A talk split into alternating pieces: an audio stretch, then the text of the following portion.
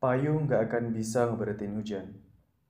Hanya saja, payung bisa membantu kita untuk terus berjalan ke tempat tujuan. Hai, selamat datang di podcast dariku.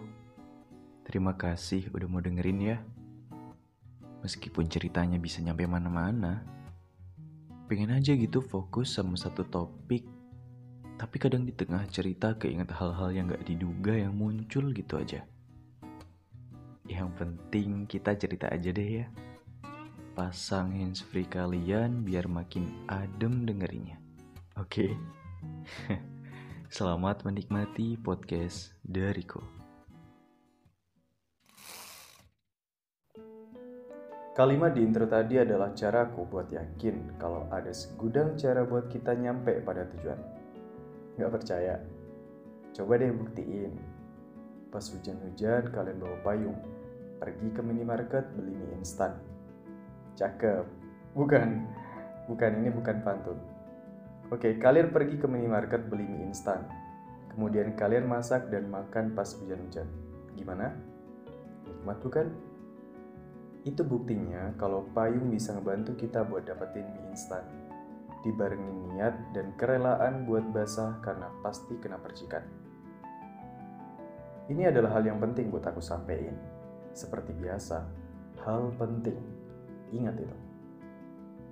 Aku akan mengawalinya dengan um, tunggu-tunggu. Lebih tepatnya melanjutkan. Karena aku udah mengawali podcast ini dengan payung dan mie instan. Tapi poinnya bukan tentang gimana kita mendapatkan mie instan, di waktu hujan dengan menggunakan payung. Bukan, bukan itu.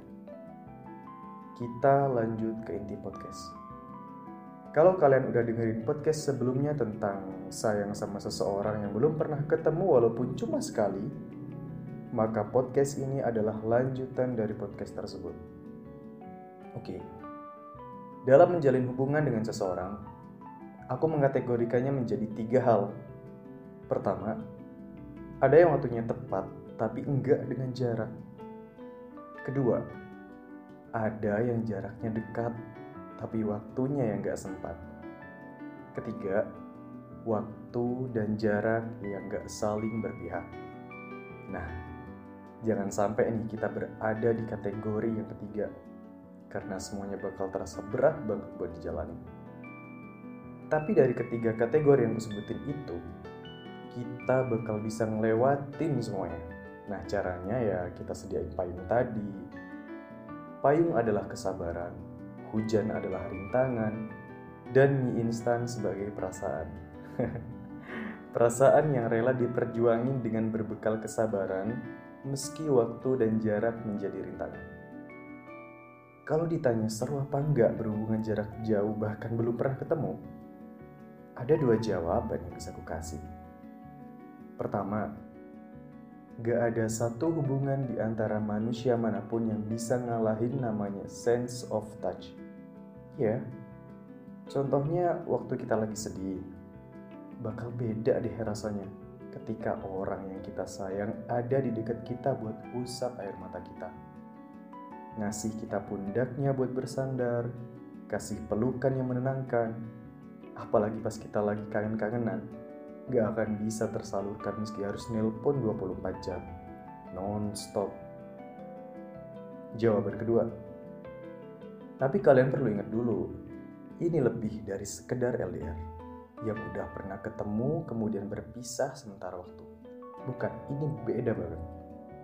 Letak keseruannya pun cukup berat buat dijalani.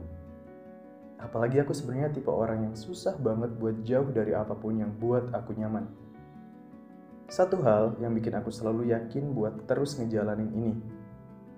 Semua ini memicu kesadaranku kalau ternyata di dunia ini penuh hal tak kasat mata yang dapat kita yakini. Seperti kita meyakini perasaan yang bentuknya tidak pernah kita tahu. Selama ini kita cukup hanya dengan yakin tanpa mempertanyakan. Kenapa aku bilang mengimani apa yang aku rasakan di podcast sebelumnya? Karena perasaan ini tak kasat mata, dan aku meyakininya, seperti aku ke Tuhan, dan aku gak memiliki alasan untuk meragukan. Keseruan ini akan terus berlanjut karena perjumpaan kita akan seperti semi setelah gersang di saat bunga mulai bermekaran. Kumbang-kumbang berdatangan ikut merayakan. Perjumpaan setelah sekian lama terjebak oleh hujan, bergonta-ganti payung dan memakan waktu yang sangat panjang. Kita sudah saling menantikan datangnya hari ketika seluruh kerinduan dapat tersalurkan. Yang tak cukup hanya dengan berjabat tangan. Kita selalu memimpikan pertemuan yang menenangkan.